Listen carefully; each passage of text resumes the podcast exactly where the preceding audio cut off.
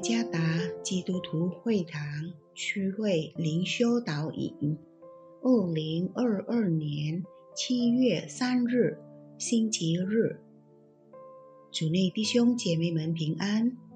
今天的灵修导引，我们要借着圣经《格林多后书》第一章第三到第十节来思想今天的主题：基督的诗歌。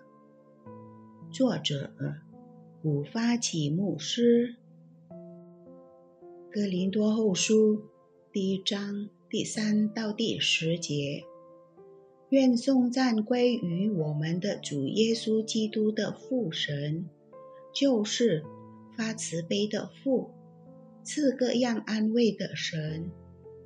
我们在一切患难中，他就安慰我们，叫我们。能用神所赐的安慰去安慰那遭各样患难的人。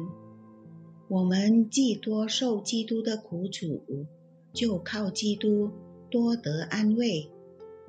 我们受患难呢，是为叫你们得安慰、得拯救；我们得安慰呢，也是为叫你们得安慰。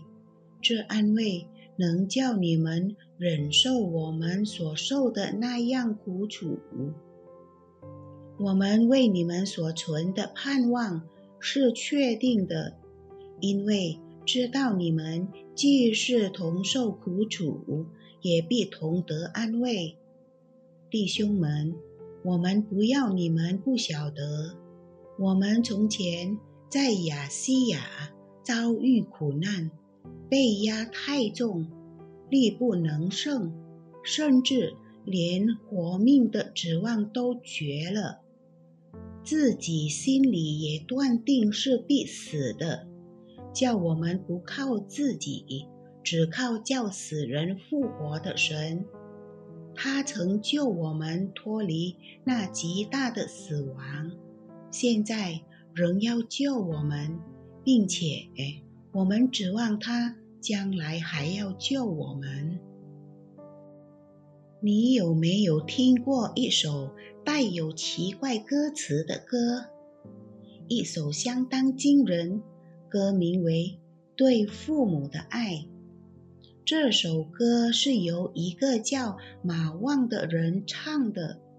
这首歌的歌词就像 “nuhu nahi nuhu nahi nahiya”。这些词句在整首歌中重复出现，在合唱中，马旺尖叫着“啊”。据作曲者说，这首歌是为了表达对父母的爱是多么困难。使徒保罗邀请我们通过阅读今天的经文。来歌颂上帝。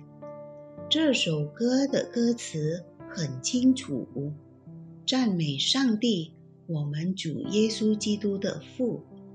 这首歌将带领我们因基督在他子民受苦中的非凡工作而荣耀他。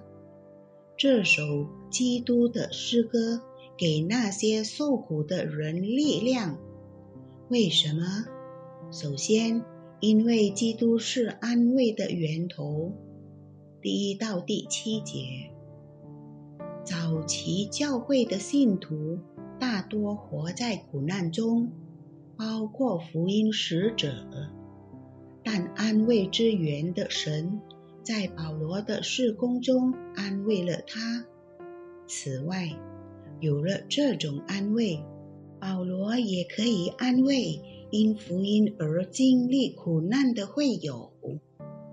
第二，因为基督是生命的支撑。第八到第十节，当保罗面临逆境时，他没有依靠自己的力量。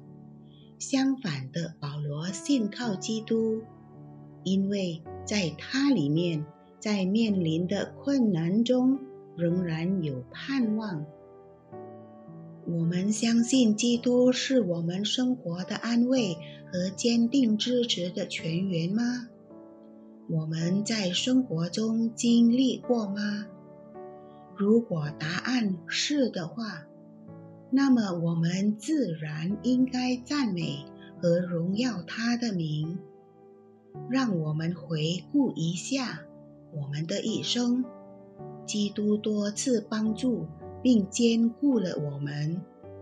当他死在十字架上拯救我们时，甚至是最伟大的工作也为我们完成了。他在我们的困境中所做的工作是平凡的吗？还是我们惊叹并虔诚的荣耀基督的名？基督是安慰和坚定支持的泉源。主耶稣赐福。